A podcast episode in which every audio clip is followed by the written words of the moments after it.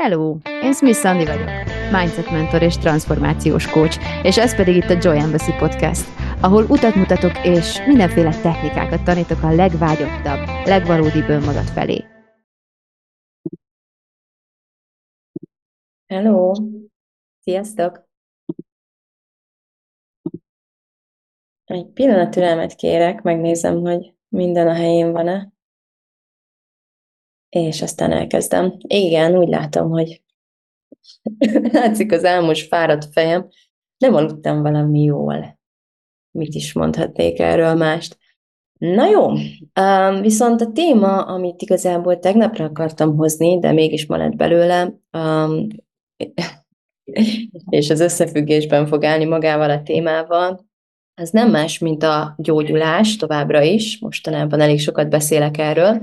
Viszont szeretném megmutatni azt, hogy nekem milyen tapasztalataim vannak szakemberként, és a saját személyes életemben is azzal, hogy mi történik akkor, hogyha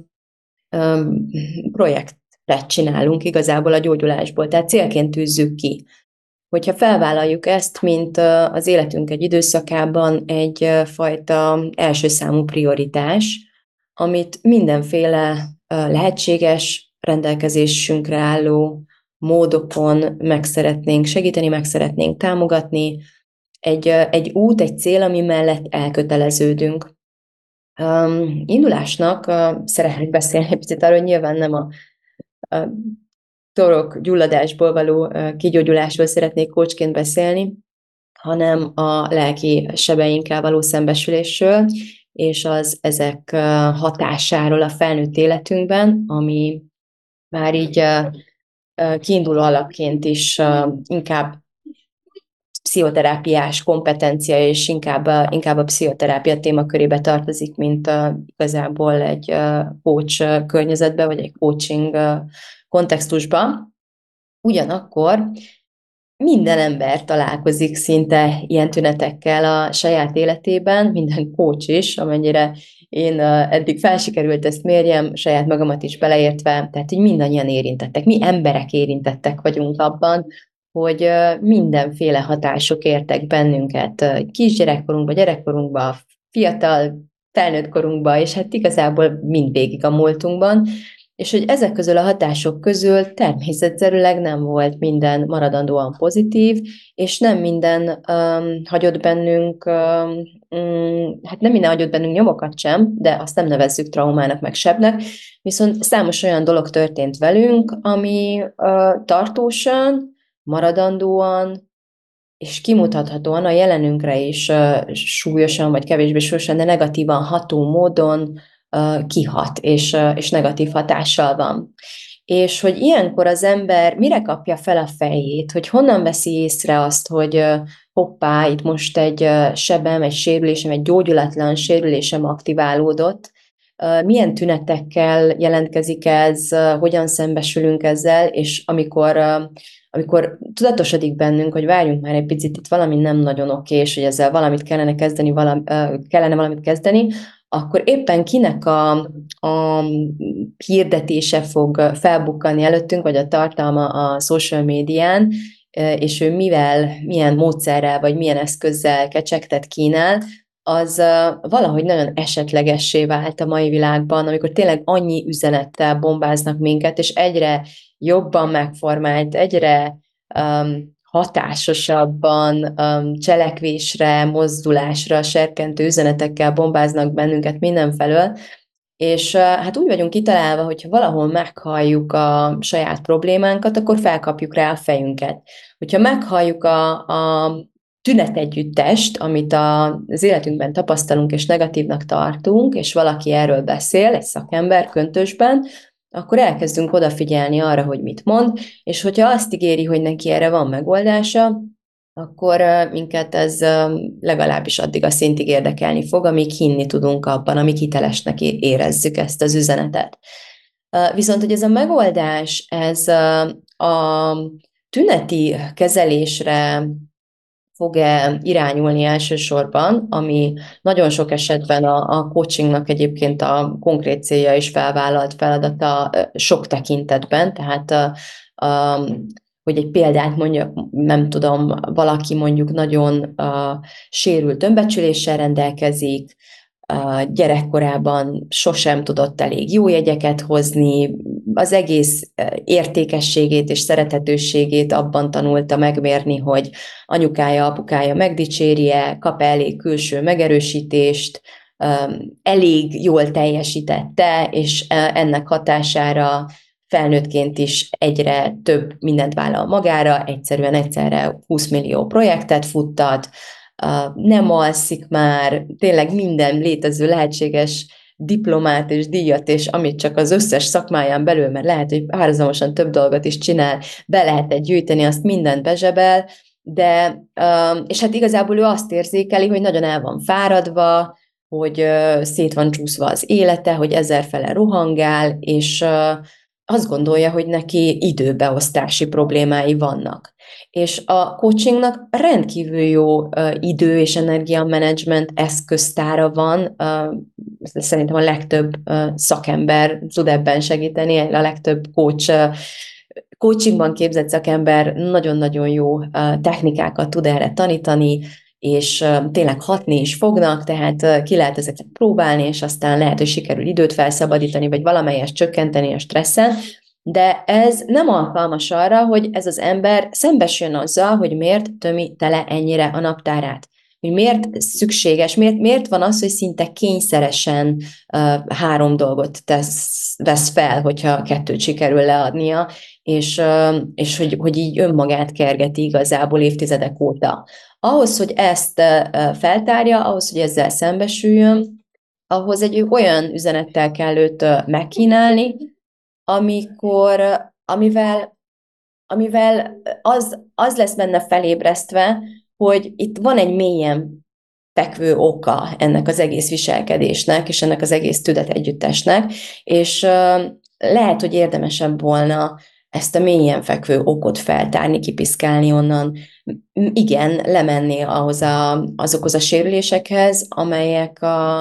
az önmagunk szerethetőségébe, értékességébe vetett bizalmunkat károsították annak idején. És ez, ez már ahogy szoktam mondani, kevésbé tűnik szexinek ezen a ponton, mint az, hogy elvégzek egy három órás, mit tudom, egy gyors talpalló időmenedzsment képzést, és aztán hatalmas zsonglőrként kijövök a másik oldalon, és még sikeresebb lehetek, mint eddig, mert innentől érzékeli az ember, hogy hoppá, hoppá, akkor itt most le kell ásni, akkor itt most fel kell hozni helyzeteket, történeteket, fájdalmakat, csebeket, és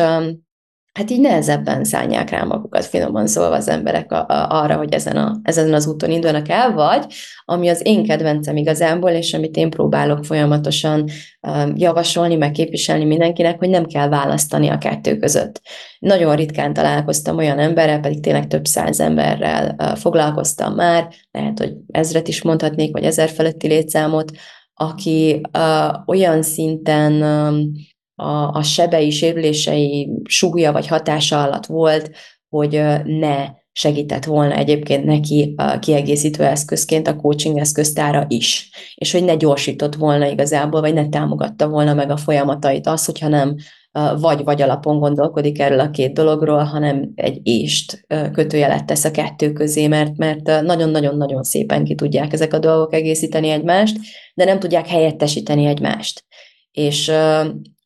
próbálok egy picit mondani részleteket arról is, hogy hogyan, hogyan és milyen formában, vagy mik a különbözőségek, de hogyha egyébként ez jobban érdekel benneteket az én értelmezésemben, vagy az én nézeteim alapján, akkor az előző podcastet meg tudjátok hallgatni, ami egy előadás, amit múlt héten, vagy nem, még ezen a héten hétfőn tartottam, szintén gyógyulás és önfejlesztés, fejlődés vagy gyógyulás témakörében, abban sokkal részletesebben kitérek erre, és szerintem ezt, ezt egy fontos, egyre fontosabbá válik tudni abban a világban, ahol tényleg minden irányból millió üzenettel bombáznak bennünket, és persze, hogy mindenkinek vannak problémái, persze, hogy mindenkit megszólít a sajátja, de piszok nehéz kibogozni azt, hogy melyik útra lépjünk, és hogy melyik lesz számunkra az igaz, és melyik segítőt válasszuk, és mi alapján tudunk ebben döntéseket hozni. Én most arról szeretnék kicsit bővebben értekezni, hogy egyrészt mit, mit nevezek ilyen sérüléseknek, hogyan tudod észrevenni azt, hogy, hogy valószínűleg inkább jó volna leásni ebben a, ebben a gyógyulás folyamatban, ahelyett, hogy csak a tüneteket próbálnánk mindenféle ügyes taktikákkal és trükkökkel elsepergetni az útból. Én azt gondolom, hogy amikor történnek velünk dolgok, különösen a gyerekkorunkban, amikor nagyon eszköztelenek vagyunk a, a világgal szemben, nagyon tapasztalatlanok vagyunk, nagyon nem tudjuk még, hogy hova érkeztünk, de közben meg tudjuk is. Tehát van egy ilyen mély hitem abban, hogy egy ilyen ilyen minden tudással születik meg a gyerek, egy teljes bizonyossággal azt illetően, hogy ő értékes, hogy ő fontos, hogy ő szerethető, hogy neki küldetése, hogy neki feladata van ebben, a, ebben az életben, hogy ő okkal érkezett meg erre a földre. Én, én tényleg őszintén ebben hiszek, de ez most abszolút egy, egy nem tudom, egy hit kinyilatkoztatás lesz, tehát nem fogom, nem tudom, ilyen a tudományos tényekkel alátámasztani, de én tényleg abban hiszek, hogy az emberek így érkeznek erre a bolygóra, ezzel a bizonyossággal. És ebben a bizonyosság, ez egy ilyen sejtszintű bizonyosság, tehát ez egy evidencia, ezen, ennek mögött nem kellenek gondolatok legyenek, nincs mögötte, nem kellenek bizonyítékok rá, nincs semmiféle racionalizálás e mögött, viszont van egy ilyen tudásunk, nevezük intuíciónak, vagy belső útmutatásnak, vagy tudom, bárminek, lélekerülnek, aminek csak szeretnétek, de szerintem ilyen nekünk van emberi lényeknek, amikor ide megérkezünk. És akkor én úgy képzelem ezt el, hogy gyerekkorban van ez az evidencia, van ez a bizonyosság, de aztán elkezdenek történni dolgok, olyan hatások ebben a földnevű, ezen a földnevű bolygón, amelyek elkezdenek ellentmondani ennek a belső bizonyosságunknak, és olyan um, vehemenciával, meg olyan túlerővel kezdenek ellentmondani neki, mert a felnőttektől érkezik, mert a rólunk gondoskodó felnőttekről érkezik, mert szeretet köntösbe van bújtatva, mert, mert bízunk azokban, akik, akik ezeket az üzeneteket hordozzák és közvetítik felénk, hogy elbizonytalanodunk a saját evidenciáinkat, a saját bizonyosságainkat illetően történnek velünk dolgok, amiket nem érzünk jónak, nem érzünk egészségesnek, nem érzünk okénak, nem érzünk elfogadhatónak, de mivel uh, úgy vannak ezek kontextualizálva, vagy úgy vannak kivitelezve, vagy úgy vannak uh, um, nem észrevéve a környezet által, hogy az normalizálja ennek az adott esetnek, a eseménynek a bekövetkeztét, és ne legyen egy hang, ne legyen egy tanú, ne legyen egy, uh, egy uh, egy bárki ott, aki ki tud állni ilyenkor mellettünk, aki meg tud bennünket erősíteni abban, hogy mi a helyes, mi a nem, és ez a, ez a helyes és nem helyes rezonál azzal, amit magunkkal hoztunk evidenciaként, és ebben, ebben meg tudunk erősödni, tehát egy megfelelő keretet tud kapni a, kap, tudnak kapni a velünk történő események, akkor nagyon-nagyon-nagyon el tudunk csúszni, és nagyon el tudunk bizonytalanodni. Márpedig ez a legtöbb gyerekkel így szokott történni. Tehát a legtöbb gyerek iszonyatosan kiszolgáltatott, iszonyatosan magányos, iszonyatosan uh, egy, egy, függvényévé, egy függvényévé válik annak a rendszernek, amibe beleszületik, és ahol ezek a dolgok elkezdenek történni vele, hogy ez a bizonyos rendszer uh, milyen szabályszerűségek uh, alapján működik, hogy a résztvevői uh, mit tartanak elfogadhatónak, és mit nem, hogyan viselkednek, hogyan viseltetnek iránta, stb. stb. És ebből a szempontból nagyon, nagyon szeretem bevonni a, a trauma értelmezésbe azt a tényezőt, hogy szükséges, tehát ahhoz, hogy valami tényleg egy maradandó traumaként így eltartósodjon bennünk, az nem csak az kell, hogy megtörténjen egy negatív esemény, mert hogy ez hogy ezzel mi még tudnánk mit kezdeni. Az emberi lélek nagyon reziliens, gyógyulni akar, vissza akar találni a maga erejéhez, egészségéhez, és, és, és nem, nem, nem feltétlenül az a baj, hogy nem jó dolgok történnek velünk, vagy akár adott esetben kimondottan rossz, vagy borzalmas dolgok történnek velünk, ezt még így valamennyire meg, tehát ebből, ebből meg tudnánk gyógyulni. A nagyobbik probléma az, hogyha ebben totálisan magunkra vagyunk hagyva, és eszköztelenül vagyunk magunkra hagyva. Tehát nincs egy megerősítés, nincs, nincs egy támasz, nincs egy tanú, nincs egy, nincs egy valaki, aki uh, visszahozná, megerősítené, felerősítené bennünk azokat a hangokat, amikkel, amikkel mint igazság, mint, uh, mint egy ilyen intuitív, magunkkal hozott uh, evidencia megszületünk ide. És aztán én úgy képzelem ezt el, hogy amikor vannak ezek a kis sebeink, ahol mind összezavarodtunk, mert nem kaptuk meg ezt a megfelelő átkeretezést, hát elkezdjük így élni az életünket, és valahogy minden egyes hatás, ami ér bennünket, ami valahogy kimond egy olyan igazságot, ami rezonál ezzel az evidenciával, csak össze lett zavarva bennünk, Hát ez hátborzongatóan pozitív megtapasztalás. Az felszabadító, az gyógyító, az léleksimogató, az abból kérünk még, tehát hogy azt az hatást így szeretnénk jobban megismerni, és, és bekenni magunkat mindenhol vele, és elkezdjük keresni akár tudatosan, akár tudattalanul ezt az igazságot és azokat a hatásokat, amelyek visszaterelnek bennünket a, a saját bölcsességünkhöz és a saját evidenciáinkhoz. És hogy ezeket lehet, hogy a barátainktól, a haverjainktól, a szerelmeinktől, a tanárainktól, a mentorainktól, a könyveinktől, a nem tudom honnan, a természettől fogjuk megkapni, de azt gondolom, hogy az, hogy egy másik ember kimondja ezeket a dolgokat, arra nekünk emberi társas lényként hát ne, nem biztos, hogy olyan messzire akarok menni, hogy szükségünk van, de azt gondolom, hogy ez nagyon-nagyon-nagyon gyógyító. Mert pont, hogy az emberi beavatkozás zökkent le ki minket ebből a bizonyosságból, és azt gondolom, hogy pont emiatt legalábbis én egyre inkább uh, személyesen azt tapasztalom, hogy nekem egyre nagyobb igényem van arra, hogy ha az emberek szúrták ezt el bennem, akkor az emberek is hozzák rendbe. Tehát, hogy amikor, amikor meghallom emberek szájából, emberek tollából ezeket az igaz gondolatokat, akkor az rám uh, még annál is gyógyítóbban tud talán hatni, mint amikor egyszer csak kipattan a saját fejemből egy igazság, mondjuk a tenger hullámait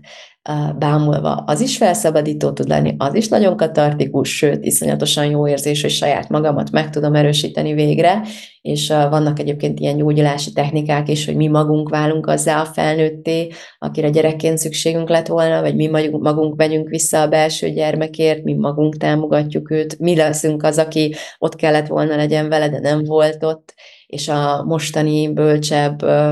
jobb rálátásainkkal ki tudunk állni, meg tudjuk őt, hát óvni nem tudjuk, ez, ezt nem ezt akartam mondani, megóvni nem tudjuk, de mellette tudunk lenni, mint, mint támasz, mint, mint az igazság helyreállítója abban a pillanatban, és vissza tudunk menni magunkért. Ezekhez a pontokhoz, és ez nagyon szép, nagyon gyógyító, de én tényleg azt tapasztalom, hogy az, hogy ezt ne egyedül csináljuk, azt, hogy megtapasztalsuk azt, hogy ebben minket más is meg tud tartani, más is meg tud erősíteni. A, a, az a szeretet, ami létre kell ehhez jöjjön, és az a biztonságérzet, amit egy másik ember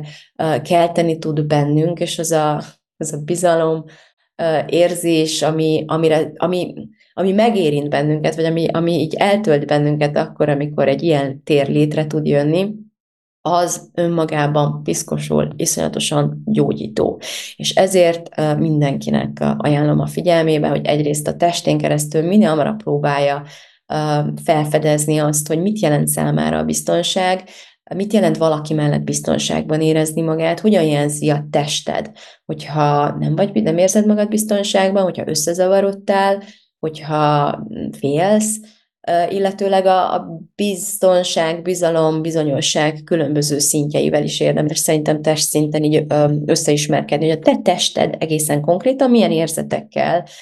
és hol jelzi ezt számodra, hogy ezen a biztonság skálán te egy és tíz között éppen hogy érzed magad, és hogyan, hogyan vagy. Mert ez egy nagyon jó kiinduló pont ahhoz, hogy, hogy megtaláld azokat az embereket, megtaláld azokat a segítőket, mentorokat, megtaláld azokat a tereket, ahol számodra ez a gyógyulás szinte automatikusan el is indul, pusztán attól, hogy ebben a térben ott tudsz lenni, meg tudsz ebben nyílni, át tudod érezni ennek az átölelő biztonságot adó szeretetteljes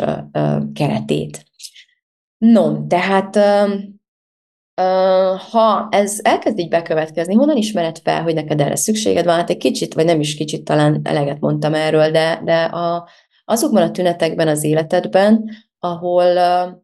ahol nagyon gyanúsá válik az, hogy hiá, tehát magát a tünetet próbáltad kezelni már ezerféleképpen, de az érzés mögötte nem múlik el. Nem érzed magad, például, hogyha ha nem tudom, sikerre vágysz, rektegsz a kudarctól, de már mindent, meg, már, már tényleg már belevágsz dolgokba, már leküzdötted a kudarctól való félelmedet, már végigmentél egy csomó úton, már egy csomó sikert sikerre felhalmoztál, de még mindig úgy érzed, hogy egy óriási hiányérzet van az egész mögött. Igen, ez a hiányérzet, ez például egy gyakori jelzője, hogy hogy azt érezzük, hogy az, ami történik, az nem valódi. Bármi is történik, a, bármit is csinálunk, bármilyen eredménye is lesz ennek, akármilyen csillogó és pozitív, mintha valamit pótolni próbálna az, amit csinálunk, és az eredmény, amit azáltal elérünk. Minden olyan, mintha, de nem az. És mindenben van egy ilyen ürességérzet, egy ilyen frusztrációérzet, egy ilyen uh, már azt hittem, hogy ez lesz az, már azt hittem, hogy meg tudom fogni, de elillan, minden mögött van egy ilyen, egy ilyen, olyan, mintha lenne mögött egy mélyebb igazság, és mintha azzal, hogy kergetjük ezeket a célokat, és egyre ügyesebbek vagyunk, egyre több eszközt tanulunk, hogy egyre sikeresebben kergessük ezeket a célokat, mint hogyha annál távolabb kerülnénk a, a, ettől az igazságtól, ami igazából a célunk volna megtapasztalni, és feltárni, és begyógyítani magunkban, hogy visszatérhessünk az erőnkhöz. Hát én remélem, hogy ez most így elég deskript, leíró, vagy des, deskriptív, nem tudok, nem tudok magyarul mostanában, bocsi, elég sokat gondolkodom angolul is, de hogy remélem, hogy ez így eléggé leírta, vagy elég jól leírta ahhoz, hogy, hogyha ebben vagy, vagy hasonlóban, akkor most itt be, be tud magad azonosítani ebben, és akkor érezt, hogy igen, innentől fogva hozzád beszélek, mert arról akarok most egy kicsit még mesélni, hogy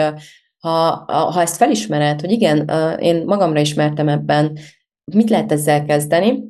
akkor én, mint mint coach, mert hogy az vagyok, és mint a saját magamon és másokon is nagyon sok módszert tesztelve, azt hiszem, hogy elég sok tapasztalatra és kompetenciára tettem szerte abba, hogy mutassak egy olyan viszonyulást, vagy megközelítést ez az egész, amit én alkalmazok. És lehet, hogy csúnyán hangzik már így a kiinduló pontnak is, de majd elmondom, hogy mégis miért tartom hasznosnak így tekinteni rá. Én tényleg elkezdtem projektként gondolni a, gondolni a saját gyógyulásomra. Valószínűleg azért a saját személyes életemben, mert ez nagyon biztonságosnak érződött így, így keretezve, hiszen nagyon ráálltam az élet praktikus megoldásaira, nagyon szerettem agyból megoldani dolgokat, gyerekkorom óta, amióta tényleg az agyamat tudom használni, az egész életemben az agyam tűnt a legbiztonságosabb pontnak egy adott elég hosszú periódusban. Tehát ott, ott kiismertem magam, ott ügyes lettem, ott tudtam a szavakat ide-oda helyezgetni, tényleg ilyen mesterszintre kerültem egy csomó kifejezésben, meg analizálásban, meg egy csomó mindenben. Úgyhogy az, hogy a projekt a projektnek van egy eleje és egy vége, az, hogy a projektnek van egy struktúrája, az, hogy a projekthez hozzá lehet állni szinte tudományosan, praktikusan, lépésekre, folyamatokra lehet osztani, mérhető egységekre lehet osztani, lehet, hogy mondjam, értékelni, kiértékelni a részeredményeket, sőt kell is. Ez, ez megfoghatóbbá és biztonságosabbá tette számomra kezdetben azt a nagy masszát, amit gyógyulásnak nevezek, és ami nagyon megfoghatatlan, nagyon ijesztő, nagyon szétterjedő, minden fova elfolyó, teljesen kontrollálhatatlan. Tehát rám nézve, és az olyanokra nézve, mint aki, ami, amilyen én vagyok, akik így tényleg az agyukban lehetek eddig biztonságot, nagyon ijesztőnek tűnhet. Úgyhogy semmi más nem csináltam az elején, csak rájöttem, hogy uh, igazából azt, amit tökére fejlesztettem a coaching uh, vonalán, és uh, ezen belül is egy-két módszer, például a manifestáció, de hogy olyan formában, hogy, uh, hogy um, hogy lássam a célállapotomat, és nem csak az állapotot magát, hanem lássam önmagam a célban. Ez egy nagyon gyakori, most már egyre többen beszélünk erről, nagyon-nagyon hatásos, nagyon hatékony coaching módszer, hogy igazából a célra úgy tekints, ne a célt nézd igazán, vagy hogy, hogy pontosan milyen lépéseket kell megtenned a célodhoz való eljutáshoz, hanem azt nézd meg, hogy ki vagy te ott bent a célban. Hogy nézel ki? Miben más az, amikor te már a célban vagy, mint ember, mit, milyen tudást kellett addig megszerezned, milyen akadályokat kellett ez leküzdened, mind kellett változtatnod magadban, mit kellett elengedned, mit kellett begyűjtened, miben vagy más akkor, amikor a célba értél, mert innentől fogva igazából két úton kell elindulnod egyszerre az, hogy valóban a célba is érj. Az egyik a maga a konkrét megtenni való lépések ahhoz, hogy A-ból eljuss el B-be, de a másik vonal az ugyanennyire fontos, és ha kettőt együtt csinálod, akkor leszel igazán hatékony, pontosan erről szól egyébként a Vájvalóra programom. A másik arról szól, hogy kivé kell válnom ezen az úton. Hogyan tudom aktívan formálni magam a jelenben, ahhoz uh, viszonyítva, vagy átidalni a kettőnk közötti különbségeket a mostani önmagam között és a célba ért önmagam között. Na most onnantól fogva, hogy én ezt milliószor leteszteltem, és hát elég szép eredményeket értem el az életem minden területén ezzel az eszközzel, vagy ezzel a kétirányú önmagam, nem tudom, tehát az kétirányú útonlevéssel, de nagyon tudatos, manifestáló célral történő útonlevésével, egyszer csak nekem beugrott ez a gondolat, hogy mikor teljesen egyértelművé vált számomra, hogy a gyógyulás az viszont nem megkerülhető, és nem is hova halogassam, és miért is tennék ilyet, Rájöttem, hogy egyrészt lehet a, gyógyulásra projektként tekinteni, és ettől már sokkal biztonságosabbnak tűnik, és arra is rájöttem, hogy ugyanezt a perspektívát abszolút tudom használni a gyógyulási célommal, célkitűzésemmel kapcsolatosan is, semmi más dolgom nincs, csak elképzelni a gyógyult önmagamat, és kapcsolódni vele, és minél többet beszélgetni vele, és megnézni, hogy ha én már gyógyult volnék, Nyilván ehhez majd mindjárt megmutatok pár lépést, de hogy nem árt tudni, hogy milyen tekintetben gyógyult, hogy hol vannak a triggereim, hogy mi az, ami igazából tünetnek tűnik bár, de, de valójában egy, egy, egy, egy trigger, egy nyomógomb van rajtam, és hogy a mögött milyen hatások vannak, mit, miért engem, mi történt velem, és vajon az is nagyon érdekes, hogy ki lennék nélkül a seb nélkül, tehát ki lennék akkor, ki lehetnék akkor, hogyha ez nem történt volna meg velem, vagy nem így hat rám, tehát hogyha nem sérültem volna akkor, ki vagyok most ebben a pillanatban a sebeim, sérüléseim alatt, ez is nagyon-nagyon érdekes számomra. Tehát észrevenni azt, hogy mikor van az, amikor a válaszreakcióimat, amikor az élet vagy más emberek megkínálnak lehetőségekkel, amikor interakcióba keveredek a világgal vagy másokkal, észrevenni és tényleg tudatosítani azt, hogy mi az, ami egy valódi belülről jövő válasz, ebből a fajta gyermeki evidenciaérzetből, a bizonyosságérzetemből érkező válasz, ami igazán, amit igazán magamnak, önmagamnak, a saját lényemnek tekintek, és mi az, uh, egyébként más, máshonnan is érkezhetnek válaszok, de, de nagyon sokszor van az, hogy a seb maga beszél, vagy a seb maga reagál nem, nem, én nem tudok eljutni a saját reakciómhoz, mert a seb, mint egy pajzs ott van köztem és a hatás között, és ez a seb maga dönti el, hogy melyik irányba megyünk, hogy hogyan fogunk reagálni, hogy hogyan kommunikálunk, hogy mit mondunk ennek az embernek, mit akarunk elérni, és ezt én Na ebből lett elegem. Tehát másfél évvel ezelőtt eldöntöttem, hogy nem tudom, mennyi időmbe telik ez, nem tudom, hány terapeutát, hány év terápiát, vagy mit kell ehhez elfogyasztanom, és uh, mire kell. Tehát tényleg mibe fog ez nekem kerülni, de nem is érdekel, kerül, amibe kerül, nyersanyag, erőforrás, paripa, fegyver, idő, ott figyelem, bármi, uh, én ebbe bele fogom tenni a szükséges uh, erőforrásokat azért, mert ez egy nagyon-nagyon csúnya, súlyos, nagyon rossz felevívő dolog, amikor, amikor, amikor nem mi döntünk hanem egy seb, egy sérülés, amit már, ami már ártott eleget, ami elégszar már önmagában az is, hogy megtörtént,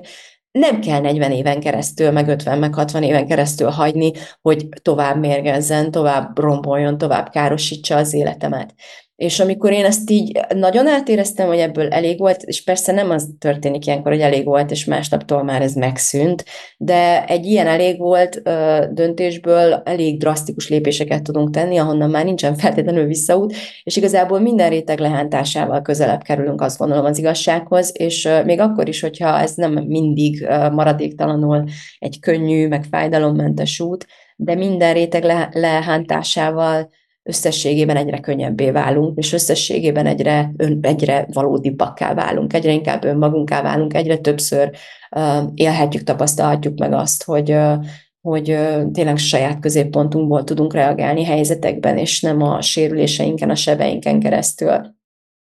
Na jó, akkor hogy néz ki nálam egy, az én esetemben, vagy az én módszertanomban az, amikor projektet csinálunk a gyógyulásból? Hát először is célt tűzünk ki a gyógyulásból, tehát uh, ahogy mondtam, egyszerűen prioritást teszünk uh, emellé. Egyszerűen eldöntjük, hogy fontosabb az, hogy megértsem, hogy miért terhelem túl magam, ennyire, mint az, hogy meg tudjam oldani, hogy még öt másik projektet is felvegyek. Értitek? Tehát, hogy, hogy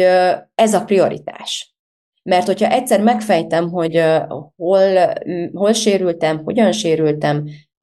hogyan hat ez a sérülésem a mostani választásaimra, és begyógyítom ezt a sebet, és már nem a sérült helyemről tudom meghozni ezeket a választásokat, akkor meg fog szűnni millió tünet, amit tudantól már nem kell kezelgessek, locsolgassak, nem tudom micsoda, és egyrészt sokkal igazabb leszek, sokkal igazabb lesz az életem, másrészt nagyon leegyszerűsödik az a rész, hogy innentől fogva mit kell menedzselnem. És ráadásul, amit menedzselnem kell onnantól fogva, az igaz lesz, az belőlem jön, az az, aki én vagyok, az az, amit én akarok ebben az életben. Úgyhogy hát remélem, hogy eleget érveltem, hogy érdemes céllá tűzni a gyógyulást olyan esetben, hogyha ez nálad is egy ilyen korlátozó tényező,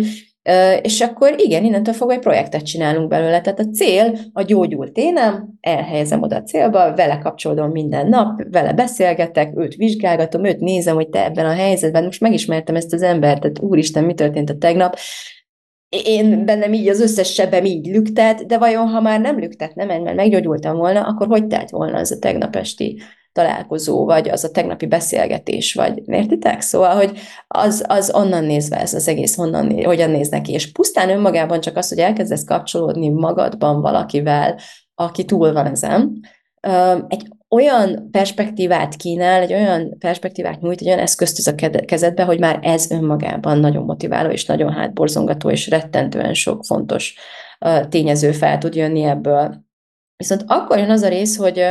hogy elkezdjük tudatosítani a dolgokat. Tehát akkor kezdjük észrevenni azt, hogy ez most valóban belőlem jött, vagy a sérülésemből, Uh, egyszerűen elkezdünk tudatosan részt venni az életünkben, látjuk már, hogy mi történik, és látjuk, hogy miért történik, és látjuk, hogy honnan történik. Ebben a látásban, amíg, amíg elkezdjük látni, addig az adatgyűjtés. Tehát, hogy ez a tudatosítás fázis, ez úgy kezdődik, hogy oké, okay, sejtem, hogy probléma van, elkezdek figyelni. Elkezdek figyelni, elkezdem észrevenni a mintáit, a példáit, a tüneteit a problémának, összegyűjtöm, mint az adatokat. Tényleg, mint egy kutató, egy tudós, amikor adatokat gyűjt egy adatbázisba. Minél nyersebben, minél ítéletmentesebben, minél szárazabb információként tudunk tekinteni erre, és gondolkodni erről, nekem az a tapasztalatom, hogy annál jobbat teszünk magunkkal a tudatosítás fázisában. Mert ha nem ezt tesszük, ha megijedünk a saját tényeinktől, ha megijedünk a saját információinktól, akkor még tovább fokozzuk a drámát. És ezért is ezen a ponton is, és minden ponton én nem győzöm eleget hangsúlyozni, kérjetek támogatást a, a, a gyógyulásban. Ha erre az útra léptek, lehet, hogy meg tudjátok csinálni egyedül. Nekem mindig ez volt a mániám, hogy én ezt meg tudom csinálni egyedül, de rájöttem, hogy ez önmagában a bizalmatlansági sebeimből fakad, ez már önmagában az önvédelem mondatja velem. Még el sem indultam sehová, még senkivel nem találkoztam, de már félek amikor abból indulok ki, hogy jó, megoldom én ezt egyedül, hát én Rambó vagyok, hát mit, hogy miért ne tudnám megcsinálni. Lehet, hogy meg tudom csinálni egyedül, de ha igazán kemény csaj akarok lenni ebben a szempontban, és bátor akarok lenni, akkor nem akarom egyedül csinálni. Mert ez már önmagában uh, egy óriási uh, komfortzónán kívüli lépés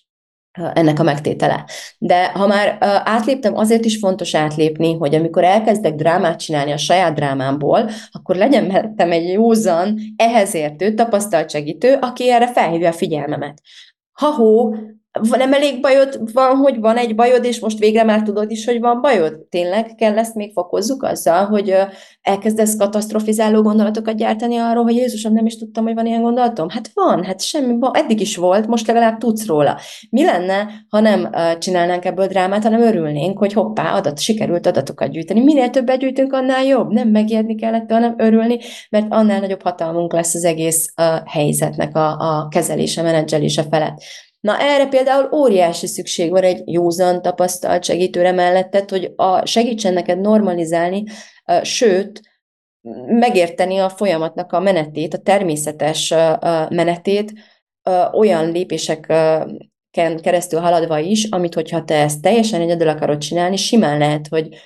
természetellenesnek, vagy, vagy ijesztőnek, vagy, vagy szükségtelenek, vagy nem tudom, ilyesmikre kitélsz, és semmi más nem kell ilyenkor, és uh, semmi másra nem, ha semmi másért, akkor ezért fontos az, hogy ott legyen melletted valaki, hogy tudjon segíteni abban, hogy eldöntsd, hogy ebben az egészben mi a normális, és mi az, ami nem az. Mi az, ami szükségszerű, és mi az, ami nem az. Mi az, ami megkerülhetetlen, úgyhogy ne próbáld megkerülni, és mi az, ahol meg igazából nem kellene lemenned ebbe a, a drámáról is drámát szövő um, ördögi csavarba, mert minek? Egyrészt minek, másrészt pont kontraproduktív dolgokat fogsz csinálni ezzel. Szóval el lehet tévedni ezen az úton. Én nekem van egyébként egy olyan um, gondolatom is a hitrendszeremben, amit nagyon támogatónak érzek, hogy végség, végtelenségig nem fogunk eltévedni, tehát be, lehet, hogy bemegyünk pár zsákutcába, lehet, hogy kifogunk pár olyan segítőt, aki picit segít, de inkább nem, vagy pont azzal segít, hogy mennyire nem segít. De én azt gondolom, hogy egyik lépés sincs hiába, hogy igazából minden lépésünkre szükség volt, ha, még ha téves lépésnek tűnik, akkor is, minden tapasztalatra szerintem szükségünk van ahhoz, ami elvezet egy igazsághoz, hogy, hogy ahhoz az igazsághoz eljussunk. Én így szeretek tekinteni az összes jó lépésemre és baklövésemre, úgymond, és innentől fogva nincs akkora tétje, nincs akkora rizikó abba, hogy úristen, rosszul választok segítőt vagy módszert, és akkor mi van, egy kicsit még jobban össze, nem, nem mindegy, már így is össze zavarodva, akkor még jobban össze leszek, de valamiért hinni abban, hogy arra is szükség lesz, mint hatás, mert a kettőből együtt talán majd valami tisztánlátásra, vagy, vagy ahhoz mértem fogom, ahhoz összehasonlításban fogom végre megtalálni az igazit, hogy ez hasznos lesz végül. Szóval én azt gondolom, hogy azzal együtt, hogy tényleg szerintem sokat segítesz magadon, sokat könnyítesz a dolgon, hogyha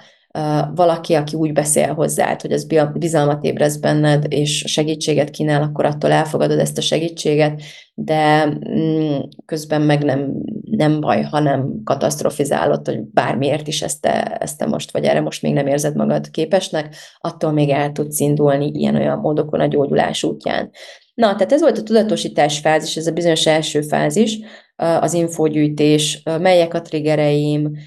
mit gondolok, érzek, hogyan reagálok olyankor, amikor egy ilyen trigger jelentkezik az életemben, amikor benyomja valaki ezeket a gombjaimat. És amikor ezt cselekszem, meg úgy egyáltalán ez az egész trigger, ez az egész fájdalompont, fájdalomgóc hogyan hat az életemre. Vajon az életem jelenlegi berendezkedésében mi mindent köszönhetek annak, hogy nekem ez ekkora triggerem, és hogy ez nekem ennyire fáj. Melyik választásaim és azoknak a választásainak, választásoknak mely következményei az életem jelenlegi alkotókövei. Nagyon sokszor a, a házastársa érdemes gondolni ilyenkor, a, a munkahely, tehát igazából az alapjaira, az alapköveire az életünknek. Jó, tehát ez történik a tudatosítás infogyűjtés fázisában, ez az ezzel való szembesülés, nem véletlenül, ja igen, ezt ne felejtsem elmondani, holnap után, tehát hétfőn kezdődik a radikális áttörés, holnap éjfélig, hát na, nagyon muszáj hétfő reggelig igazából fogadnám a jelentkezéseiteket, de ugyanezeken a fázisokon megyünk keresztül, tehát ez a szembenézésnek nevezem, de ez a tudatosítás fázis az első tíz nap. Ez egy 30 napos program egyébként a radikális áttörés, a honlapomon rá, tudjátok, rá tudtok keresni a dolgoz velem menü pont alatt, ott van egy részletes leírás, de uh, ezt, ezt a munkát kezdem előkészíteni veletek. Tehát pont egy ilyen projektet mutatok be a radikális áttörésben. Egyet, és nem kell a legsúlyosabb traumával foglalkozni, az is elég, ha rendetlenség. És tüneteket is lehet kezelni, tehát hogy nem, nem uh, itt igazából a logikáját fogjátok megérteni annak, amiről most beszélek, és át, átmegyünk egyszer egy ilyen, egy ilyen folyamaton. Kicsiben, óvva, támogatva, megvédve ebben az egészben. Ez nem egy olyan dolog, amit 30 nap alatt kell elvégezni és befejezni, de meg fogjátok ér, az összes eszközt meg fogjátok kapni, amire szükségetek lesz akár a, a segítő választáshoz, akár a folytatáshoz, akár ahhoz, hogy jó, ha ez egy kicsi, kicsiben, egy pici dologot vár kiválasztva ilyen jól ment, akkor kapunk egy kis magabiztosságot, és felbátorodunk, hogy a, a mélyebb dolgokhoz is elkezdjünk hozzányúlni. Jó, tehát ez volt a tudatosítás. A második fázis a gyó, én a gyó, az a gyógyulás fázis, amit, ami az úton levésnek felel meg. Tehát onnantól, hogy összegyűjtöttem az infókat, elkezdem, elkezdek beavatkozni. De a beavatkozás az egyfelől a coaching része annak, amit én használok, a, a beavatkozás, mind a két tekintetben a gyógyulás esetében nagyon gyengét kell legyen. Ezt ki kell fejeznem, hogy a gyógyulás alapvetően nem sürgethető, nem szabályozható, nem, nem lehet erőszakkal gyógyulni értelemszerűen. És éppen ezért már maga a szó is, hogy beavatkozás, már ad egy ilyen kicsit erőszakos vagy kontrolláló, vagy kontroll szándékot ennek az egésznek, És azt akarom elmondani, hogy a beavatkozás olyan szinten történik, legalábbis az én esetemben, hogy onnantól fog, hogy elkezdtem kapcsolódni a gyógyult énemmel, egyre többször látom azt, hogy,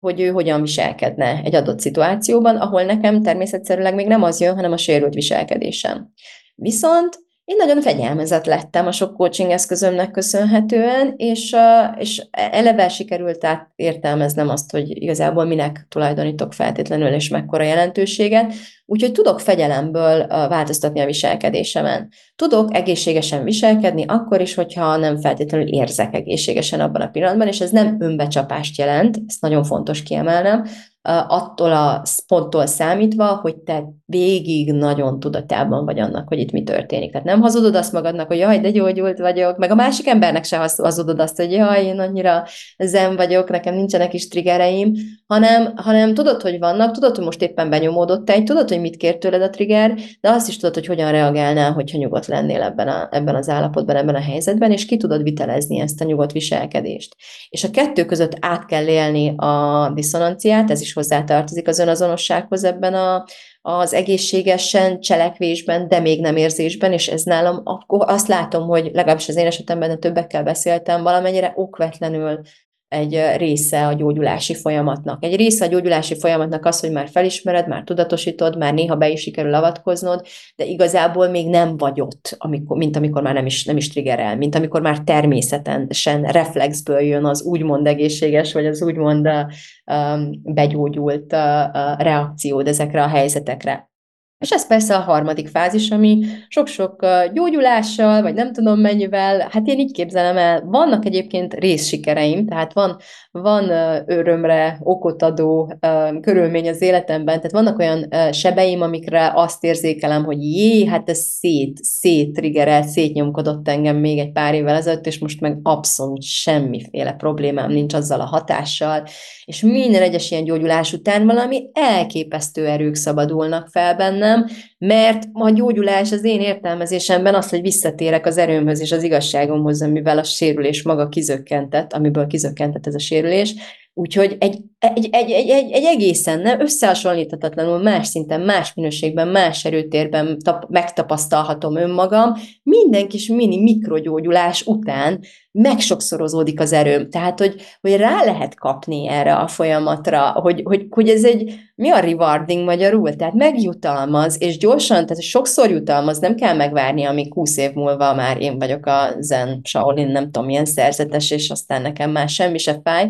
hanem, hanem folyamatosan érnek ilyen-olyan sikerélmények, csak ezeket a sikerélményeket nagyon másként tapasztaljuk meg, mint a, az 5,5 millió forintomat, amit 22 nap alatt itt leraktam elétek, amikor egyszer csináltam egy ilyen kampányt, az egy ilyen, hú, hát így kívülről nézve nagyon szexi, meg belülről is egyébként, de nagyon jó érzés, hogy ezt így tudjuk csinálni, tudjuk csinálni, mint emberek, tudunk ilyet csinálni, és az sem megy pusztán materialista módon, tehát ez egy gyönyörű manifestáció volt, de a gyógyulás az, az ennél sokkal finomabb szövetekre hat, az sokkal másként fejti ki a hatását, sokkal máshogyan jutalmaz, sokkal másképp, sokkal inkább másképp tapasztalod azt, hogy itt te most sikereket értél el ezen a területen. Um, jó, tehát van a gyógyult fázis, ahol én még nem tartok, de bizonyos dolgokban viszont uh, vannak, vannak hatalmas előre, előrelépéseim, vagy bizonyos tekintetben igen, vannak, vannak gyógyult sebeim is, és ezért ez még nagyobb kitartása ösztönöz, vagy ettől még nagyobb, még lelkesebb szószólója vagyok ennek a témának, és még többet akarok tudni erről az egészről, és még inkább biztatlak benneteket, hogy érdemes, nagyon-nagyon-nagyon érdemes, és sokszor, most már tényleg, aki hozzám fordul vele, nagyjából azzal kezdjük a felmérését a helyzetének, hogy hogy jó, mit, mit kell csinálni ilyen, ilyen taktikai szinten, a cselekvés szintjén, és ezt tényleg a legjobb coaching eszközökkel, hogy lehet a leghatékonyabban, stratégikusabban kivitelezni, és hol van az, ahol elkerülhetetlen, megkerülhetetlen a gyógyulás, és abban milyen, minél hamarabb fogjunk bele. És nem biztos, hogy a gyógyulásnak minden fázisában én vagyok, a, ezt nagyon fontos mellé tenni, hogy én vagyok a megfelelő, vagy én vagyok a kompetens szakember, én egy biztonságos, én a terápiában egyre jobban hiszek, mert tényleg azt gondolom, hogy ez egy, egy, egy biztonságos és működő, bizony, sokat bizonyított mm, módszere, a, vagy nem is módszere, inkább nem módszernek, hanem terepének hívnám a gyógyulásnak. Én azt gondolom, hogy a jó terápia az csak a kereteket, a, a, a biztonság, meg a, tehát a gyógyulásnak a szükséges feltételeit biztosítja folyamatosan, de maga a gyógyulás az így a, azt a lélek csinálja azt a lelket csinálja, nagyon jól tudja, hogy, hogy mit kell csinálnia, viszont egy jó terápia és egy jó terapeuta az optimális, ideális körülményeket meg tudja teremteni neked ehhez, és ezzel egyszerűen lehetővé teszi, vagy akár adott esetben fel is gyorsítja ezt a folyamatot, kiszedi az akadályokat. Igen, hát néhány gyors pontba összefoglalva az összehasonlítás, hogy mi történik a coaching szinté, szinterén ebben a folyamatban és mi a terápiában. A terápia az, ami, ami lassú, megfoghatatlan, a problémára fókuszál, tehát tényleg a, a, a probléma mély, mély okait feltárva, a gyökerére fókuszál, a, a terápia nagyon gyengéd, nagyon elfogadó, és pontosan ebből adódóan sokszor megfoghatatlannak tűnik, és nehéz, nehezen, nehéz mérni az eredményeit, vagy legalábbis rövid időtávlatából nagyon nehéz kézzelfogható eredményeket megnevezni ebben. A coaching ezzel szemben gyors és praktikus és megoldásfókuszú és ilyen, ilyen motiváló, ilyen gatyába rázó, ilyen, ilyen, uh, ilyen kontrollt visszaadó és, és, uh, és uh, és sokkal mérhetőbb uh, eredményeket lehet neki tulajdonítani nagyon sok esetben, de valójában a kettő együtt, tényleg nem győzöm eleget hangsúlyozni, a kettő együtt az, ami igazán intenzív, és igazán mindent átformáló, az, ami, ami igazán visszavisz téged saját magadhoz, a, ahhoz, akitől elszakadtál, akitől megfosztottak, vagy megfosztva érezheted magad a sérüléseid által, és azok által, akik ezeket a sérüléseket okozták, semmi más vágyunk, célunk nincs, csak visszakerülni ahhoz az erőhöz, ahhoz az evidenciához, ahhoz a, ahhoz a küldetéshez, ahhoz a célhoz, amivel ide megszülettünk, és a két, két eszköztár szerintem sokkal gyorsabban eljuttat minket, vagy visszajuttat minket saját magunkhoz, mint ha csak az egyiket, vagy csak a másikat csinálnánk, és, és nem győzöm eleget hangsúlyozni, de azért remélem, hogy most így eléggé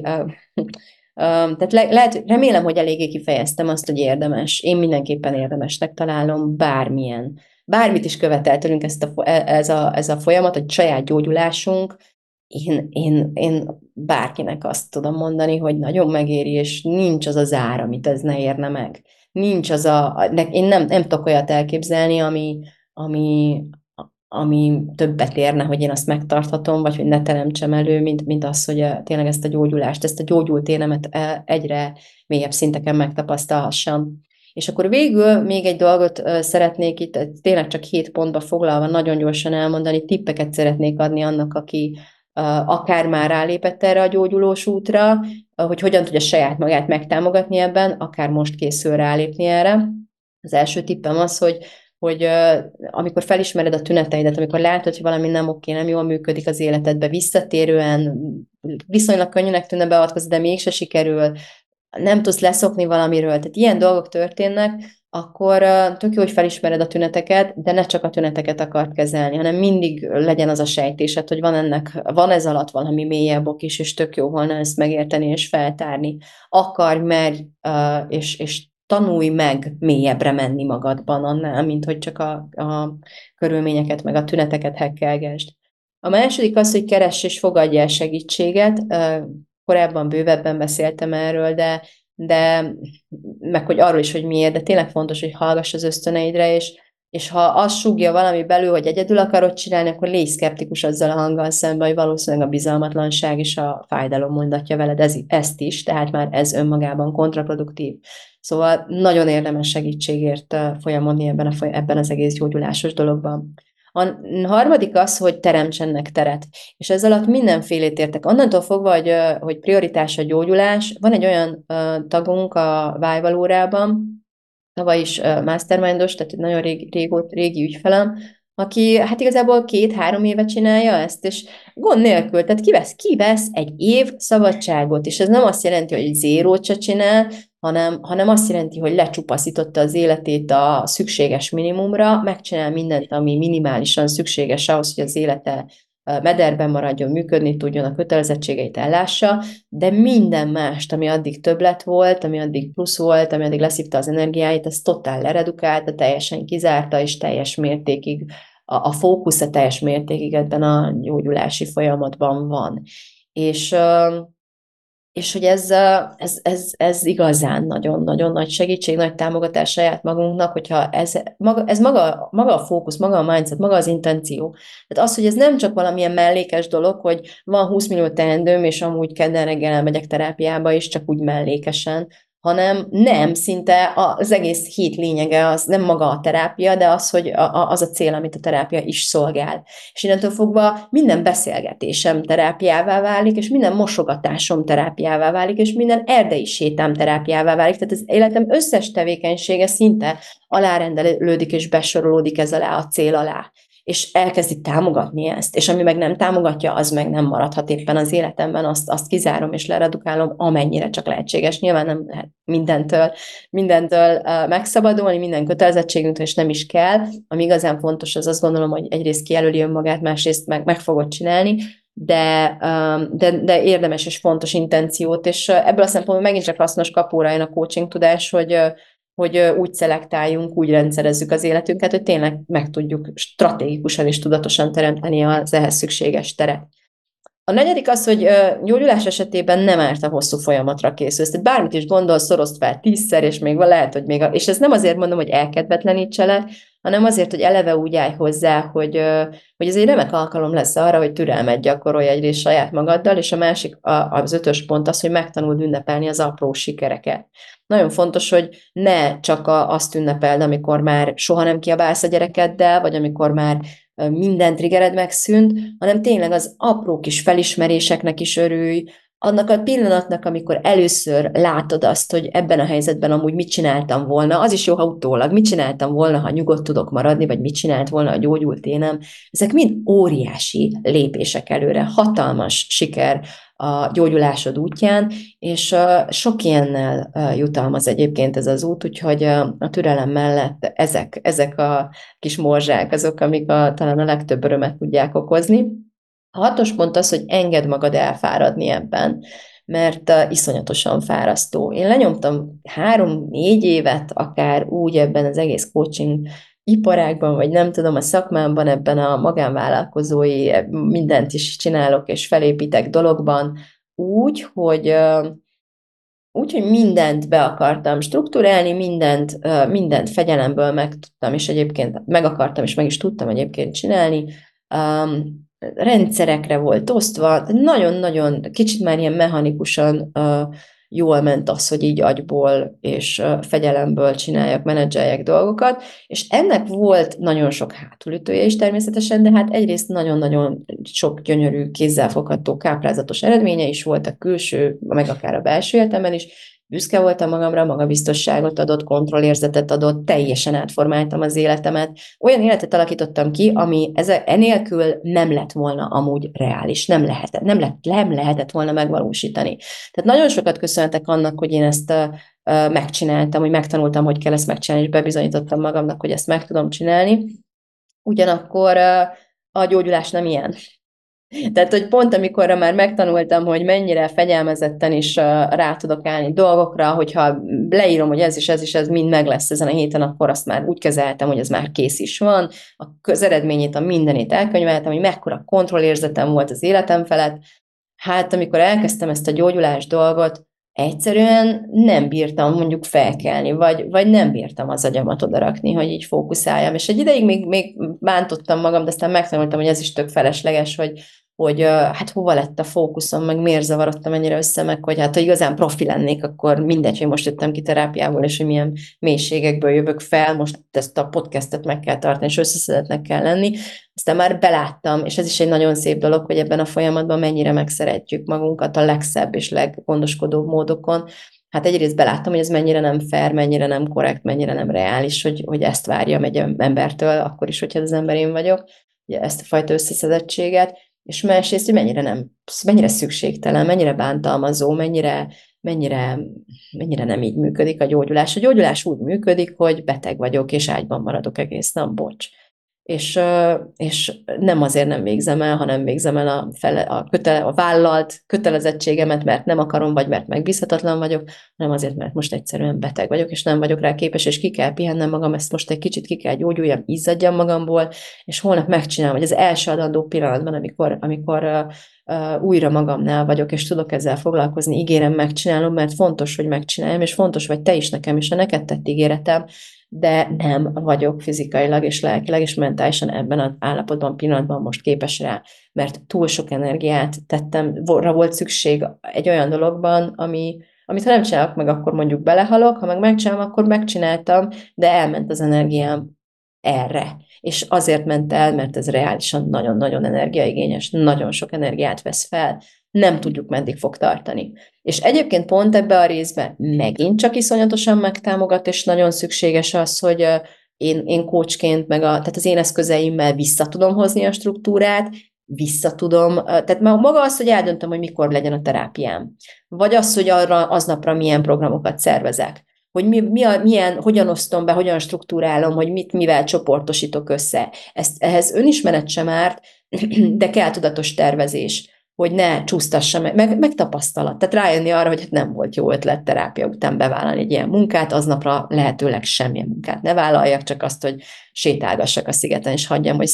izé, szabaduljak. Tehát, hogy így, így menjen ki belőlem a, áramkörömből ez az egész. Tehát, hogy kiismerni azt, hogy magamat hogyan tudom ebben a legjobban támogatni, és megteremteni az ehhez szükséges mindenféle körülménybeli és, és mentális gondolatbeli támogatást, azt az én coaching eszközeimmel a, nem, nem meghaltam volna szerintem nélkülük, tehát nagyon nagy szükség volt rá.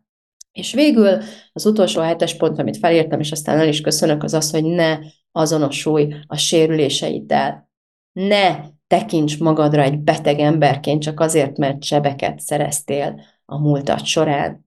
Te nem egy beteg ember vagy, te nem egy sérült ember vagy. Te egy olyan ember vagy, akinek vannak sérülései, amik még nem gyógyultak be. Óriási a különbség a kettő között. Ég és föld. Képzeld már el, hogy ezt a példát szoktam mondani a mentorátaimnak, hogy eltöröm a kezemet, és tudom, hogy akár hogyan is törtem, hogy nem tudom még, hogy mennyire fog meggyógyulni, hogy mennyi időt fog igénybe venni a gyógyulás, hogy pontosan hogy kell, mennyi, tehát tényleg mennyire százszázalékos lesz a gyógyulásom. A lényeg az, hogy ért egy trauma, meg összet eltörtem, kész, el van törve, fáj, mint az állat, bemegyek, hova megyek? Hát menjek szakemberhez. Tehát, hogy itt ne, ne az, az edzőterembe menjek, hogy nem baj, majd izomból itt kiizzadom, mint hogyha egyből ilyenkor kócshoz mennénk, itt ez a metafora, hanem basszus, menjek el a kórházba, bízom a szakemberre, műtse, vágja, nem tudom, gipszelje, tegye helyre, csináljon vele, amit ő tud meg akar, mert, mert, mert amúgy a testem persze gyógyulni akar, de ezt a csontot a helyére kell rakni. És akkor berakják a helyére, és elkezdem követni a javasolt gyógymódot, először várok, semmi más dolgom nincs, csak pihentetni, hagyni, hogy a természet meg a, meg a, meg a testem tegye a dolgát, utána pedig már lesz munkám is, hogy tornáztassam, visszahozzam a gyakorlatba, egy csomó fájdalmat kell ezzel majd felvállalnom, ez a lélekre is pontosan ugyanígy történik, de ki az, aki azért, mert eltörte a kezét, másnaptól egy törött kezű emberként gondolkodik magáról? Aki úgy képzeli el innentől fogva az életét, ami az összes meghatározó döntését az életben, hogy, hogy, hogy egy, egy, egy törött kezű ember szűrőjén keresztül fogadja be onnantól a világot. Értitek, hogy ez nagyon abszurd lenne. Tudjuk, hogy meg fog gyógyulni, vagy tudjuk, hogy hát jó, hát ez egy körülmény. Igen, korlátozó, de jó tisztában lenni vele, jó tudatosítani, jó e köré berendezni az életemet, de ne ez legyen a szervezőelv, ne ez legyen a szelektáló, hogy mi, a, mi igen és mi nem az életemben ez egy körülmény legyen, ami, amit tudomásul kell vennem, és számításba kell vennem annak kivetelezésében, miután már eldöntöttem én, hogy mit akarok, mit nem akarok, ezt hogy fogom törött kézzel megcsinálni? Így tevődik fel a kérdés, nem pedig azt, hogy, hogy hogyan él egy törött kezű ember, innentől élet örök. Értitek? És nem veszed észre, de annyira könnyű azonosulni ezzel a betegség tudattal, ezzel a sérült, gyámoltalan, szerencsét szétfolyó, nem tudom, akár kicsodával, és ebben egyébként én is tök könnyen be tudok csúszni a mai napig, és itt megint csak nagyon fontos, hogy milyen szinten reflexemmé vált ez az öncoaching, akár amit tanítok a programjaimban, hogy, hogy ezt észreveszem, és ebből kiszedem magam, és nem, én nem a törötkező ember vagyok, meg a sérült Andi vagyok, hanem én egy, egy tök kompetens egyébként, nagyon klassz ember vagyok, akinek úgy mellesleg van néhány sérülése, ami még nem gyógyult be, és aminek a begyógyulásán éppen dolgozom. Na, ennyi. Ennyi fért, ez szerintem jó sok, de azt hiszem, hogy mind fontos volt, és mindent elmondtam, amit akartam ebbe a témakörbe, és még azt is el akarom még egyszer mondani, hogy radikális áttörés hétfőn kezdődik, hogyha te érintetnek érzed magad ebben a témában, amit én most elmondtam, ahogy ezt most elmondtam, ha, ha megszólított, hogyha te vagy az, hogyha érzel bizalmat, akkor gyere, mert megmutatom ezt a gyakorlatban is, és a te saját életeden keresztül fogom ezt megmutatni, úgyhogy ezt a biztonságot, amit a, amit a tér létrehozásával, megtartásával és a tapasztalt kísérettel meg tudok adni, plusz egy nagyon szuper csoporttal is azt meg fogod kapni, és gyorsan. Tehát hogy azért is akartam, hogy a radikális áttörés 30 napos legyen, hogy ilyen gyors, nagyon gyors sikerélmény uh, jusson, jusson neked uh, jutalmul, és aztán kedved legyen folytatni. folytatni ezt az utat a saját magad középpontja és a saját evidenciát felé, a saját valóra válásod, a saját valódi énednek a visszanyerése, visszaszerzése felé. Köszönöm szépen a figyelmet, és ha bármi kérdésed van, ide is nyugodtan írhatod kommentben, bár most nem fogom látni, nem tudom miért, ez a Facebook ilyen furcsa, de írhatsz üzenetet a Facebookon, írhatsz e-mailt nekem, andikukaszmissandikoaching.com e-mail címre, Uh, igen, ilyen módokon mindenképpen el fogsz érni, kapcsolatba tudsz lépni velem, ha csak beszélgetnél, ha csak elmondanád, hogy mit hozott fel benned ez az egész, ha csak elmondanád a saját esetedet ezzel, vagy a saját gondolataidat erről, ha megosztanád, nagyon kíváncsi vagyok rá, tényleg nagyon-nagyon hálás vagyok minden visszajelzésért és minden megkeresésért, úgyhogy, úgyhogy ennyi. Köszönöm szépen, sziasztok, puszi! Ha ennél mélyebbre szeretnél menni önmagad kiteljesítésében és valóra váltásában, kérlek nézz rá a Váj Valóra programomra, vagy vedd fel velem a kapcsolatot.